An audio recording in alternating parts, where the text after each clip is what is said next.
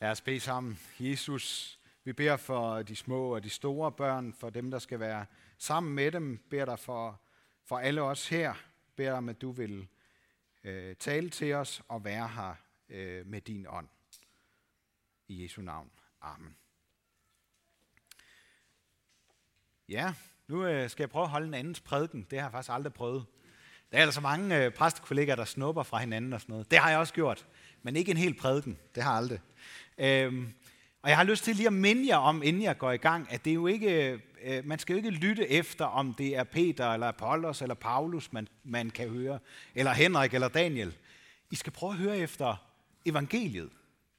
Efter det, der vækker genklang. Det, der kan vække en, en uro i os. Det er det, vi skal høre efter. Det, der kan trøste os. Det, der kan befri os og give os mod. Øh, det, der nogle gange kan skubbe lidt til os. Øh, det er det, vi skal høre efter. Så det håber jeg, det, øh, det er det, I også vil øh, prøve at gøre nu her. Vi skal læse fra, vi er jo midt i en temarække om at være kirke i byen. Og vi skal læse noget mere fra Paulus. Det står heroppe. 2. Korintherbrev, kapitel 3, vers 2-3. I er selv det brev, der står skrevet i vores hjerter, og som kendes og læses af alle mennesker. Så det er klart, at I er et Kristusbrev, der er blevet til ved vores tjeneste. Ikke skrevet med blæk, men med den levende Guds ånd. Ikke på tavler af sten, men i hjerter på tavler af kød og blod, skriver Paulus. Og sammenhængen, øh, som ordene her om at være Kristusbrev indgår i, det er noget anderledes end det, der egentlig er hovedtemaet i vores øh, fire gudstjenester om at være kirke i byen. Paulus han bliver tydeligvis underkendt som apostel af flere i den kristne menighed i Korinth. Altså underkendt som en af de helt afgørende autoritative røster om den kristne tro. Og det er det, han så er i gang med at få dem til at forstå. Blandt andet ved hjælp af det her billede, et Kristusbrev. Men som det tit er med den slags billeder, så kaster de også sådan en slags sidegevinst af sig, en betydning, der rækker ud over den sammenhæng, de er sat ind i. Og sidebetydningen ved billedet handler om, at alle kristne er som et brev, der bliver læst i et ganske bestemt lys, nemlig i Kristuslyset, i lyset af vores kristne tro. Og det får mig til at, eller Henrik til at trække tre momenter frem. For det første, at vi læses af alle betyder, at det er grundlæggende befriende enkelt at være kirke i byen, eller at leve som et vidne om den kristne tro i sin hverdag. For vi bliver uvilkårligt læst på den måde af alle, som ved, at vi er kristne. Folk omkring os kan simpelthen ikke lade være med at registrere meget af det, vi gør og siger, eller det, vi ikke gør og siger, i lyset af vores kristne tro. Jeg er ret sikker på, at I, som er her, og som ikke har taget den kristne tro til jer endnu, vil kunne nikke bekræftende øh, til det. Det svarer jo helt til, at man har en muslimsk nabo eller medstuderende, som man er kommet i øh, venskabelig relation til, og som man helt uvilkårligt tolker i lyset af hans eller hendes muslimske tro i en del af det, han eller hun siger eller gør. Og det gør det som sagt grundlæggende ret øh, let at leve som vidne om den, sin kristne tro. Det kræver ikke, at man skal kunne gøre redde for ens tro i flot og overbevisende stil. Vi skal simpelthen bare leve som mennesker, der ikke har taget den kristne tro indenbords. Leve mellem dem, leve sammen med dem, indgå i gode relationer til dem og lade dem læse en. Det allervigtigste ved at være kirke i byen, det er, at vi hver for sig har gode relationer til folk, der ikke har et personligt forhold til den kristne tro. Det er alfa og omega for det at være kirke i byen. Så det skal vi dyrke. De gode relationer. Og vel at mærke ikke sådan en skjult dagsorden, der gør den anden til et objekt for mit højere formål, at han eller hun må blive personligt grebet af den kristne tro. Det ønsker vi af hjertet måske. Ja, vi beder måske endda om, øh, at det måske for dem øh, og det står vi åbent ved, når vi måske indimellem kommer i snak om det. Men relationen skal først og sidst være baseret på det helt igennem naturligt ægte menneskelige forhold. Og i det stykke, der har Grundtvig ret, når han siger, menneske først, kristen så. Og den naturlige, ægte, menneskelige relation rummer gensidighed.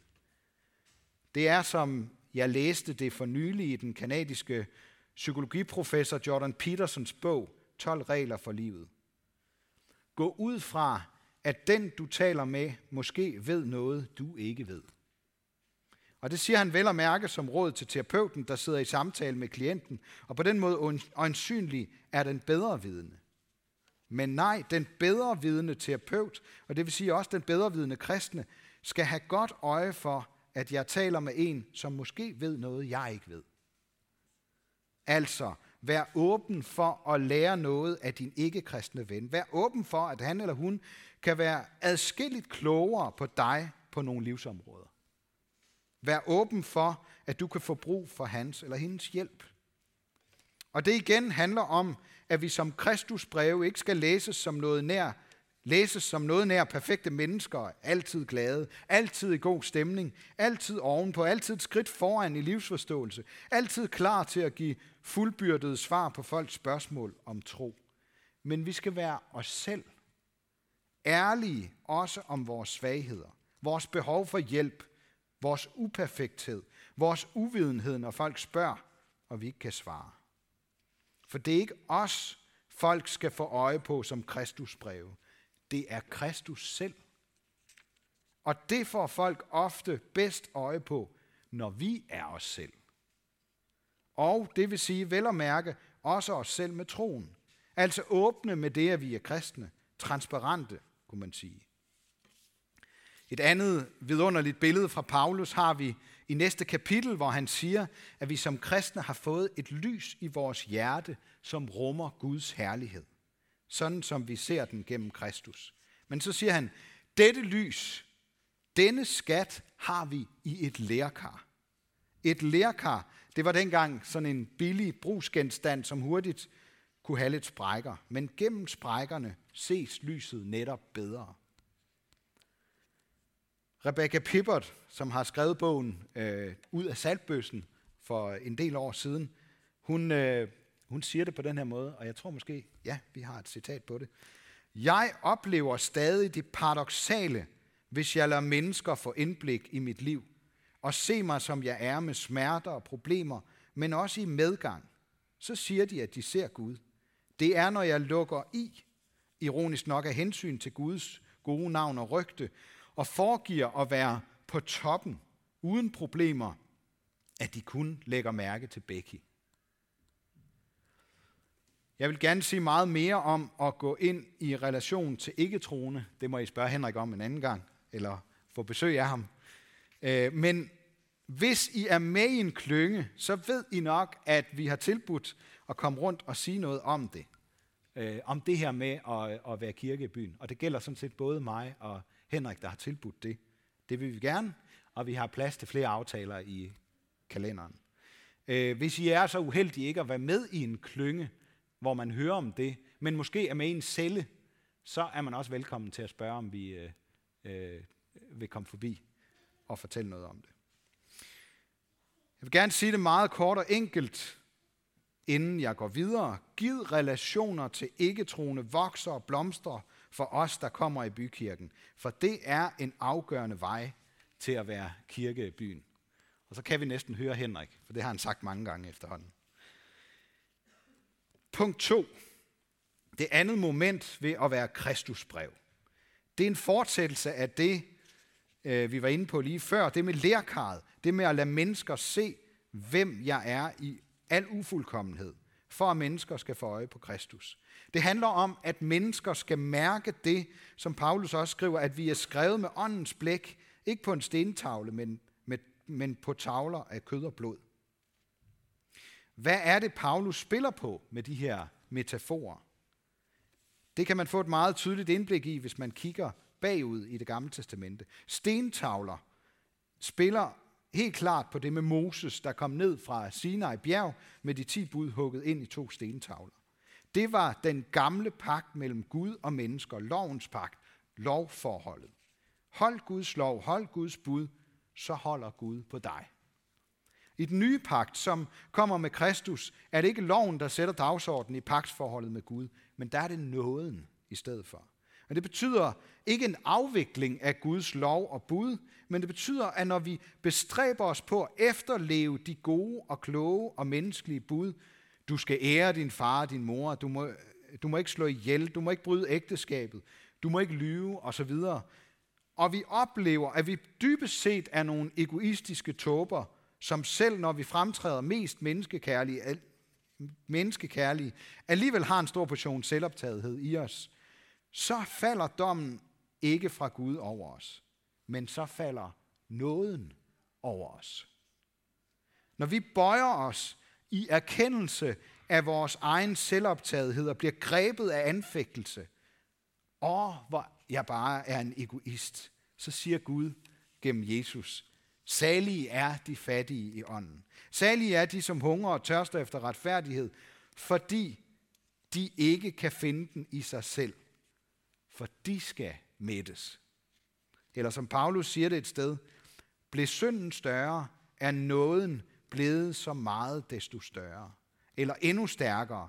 Viljen har jeg, men udfører det gode kan jeg ikke, for det gode, som jeg vil, det gør jeg ikke, men det onde, som jeg ikke vil, det gør jeg. Jeg elendige menneske. Hvem skal fri mig fra dette dødens læme? Men Gud skal tak ved Jesus Kristus, vor Herre. Og det er Kristusbrevenes vidunderlige lys, som må skinne så meget det overhovedet kan gennem vores ufuldkommende lærkarsprækker i vores relationer til mennesker, der ikke har set det lys endnu. Mennesker, som lever i den gamle pagt, uden at de måske et øjeblik tror på, på det, tror på Gud eller noget som helst i den retning. Men den gamle pagt, der har dette som sit DNA. Du skal gøre dig fortjent til, om ikke Guds, så i hvert fald andres anerkendelse.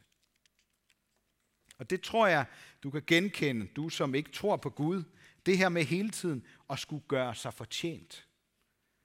For 14 dage siden fik øh, en af bykirkemedlemmerne ordet, Malene, efter prædiken, og hun fortalte, at hun havde været til et foredrag på studiestedet om trivsel i hverdagen. På en slide stod der, har du et præstationsfrit rum? Så skulle de snakke med sidenmanden om det. Hende ved siden af Malene sagde med tydelig tristhed, nej, det har jeg ikke. Og Malene sagde til os, det første jeg tænkte på var, at det jeg har i kirken i fællesskabet her, hvor jeg kan komme, eller det har jeg i kirken i fællesskabet her, hvor jeg kan komme og være præstationsfri. Men den anden var tydeligvis frustreret og kunne ikke komme på noget. Det får mig til at give jer et citat, som jeg jævnligt trækker frem, fordi det rammer lige midt på skiven i det her med livet, der handler om fortjeneste og præstation. Den verdensberømte popsanger Madonna. Jeg har en jernvilje, og min vilje har altid drejet sig om at besejre en skrækkelig følelse af utilstrækkelighed. Når jeg har overvundet et anfald af den følelse og opdaget, at jeg er noget ganske særligt, kommer jeg til et andet stadium, hvor jeg synes, jeg er middelmodig og uinteressant. Igen og igen. Min drivkraft i livet skyldes denne forfærdelige frygt for at være middelmodig. Og den presser mig konstant. For selvom jeg er blevet en kendt person, er jeg stadig nødt til at bevise, at jeg er noget. Min kamp er ikke forbi, og sandsynligvis sker det heller aldrig. Som Kristusbreve, så skal der lyse noget helt andet fra os, end kampen om fortjeneste i vores relation til andre. Vi skal lyse af nåden. Den nåde, vi selv lever og ånder i, og den nåde, som vi dermed også vil vise andre i ord og handling. Og så her til allersidst, det tredje moment, helt kort. Vi er ikke skrevet på stentavler, men på tavler af kød og blod. Det kan også sende os et lille signal om, at vi ikke er forstenede, stive, ensartede mennesker, når vi er kristusbreve, når vi er kristne. Vi er uhyre forskellige. Og det skal vi bare stå ved. Vi har ikke brug for en flok ensartede mennesker i bykirken. Tværtimod, for at nå alle slags mennesker uden for kirke og tro, så er det vigtigt, at vi er alle slags mennesker, øh, også her. Socialt sindede, ikke socialt sindede, ekstroverte, introverte, humoristiske, højlydt snakkende, stille, generte, psykisk stærke, psykisk svage, sportslige, usportslige, akademikere, håndværkere, PhD'er, pensionister og postbud, handicappede mennesker med homoseksuelle følelser, transfølelser, heteroseksuelle følelser, mennesker fra dysfunktionelle hjem, mennesker fra harmoniske hjem. Alle slags mennesker af kød og blod. Kristus breve skrevet på tavler af kød og blod. Amen. Ære være Gud, vores far, der har skabt os i sit billede. Ære være Guds søn, der tog vores straf, så vi kan få lov at leve præstationsfrit og i frihed. Ære være Helligånden, ham der gør Guds kærlighed levende for os.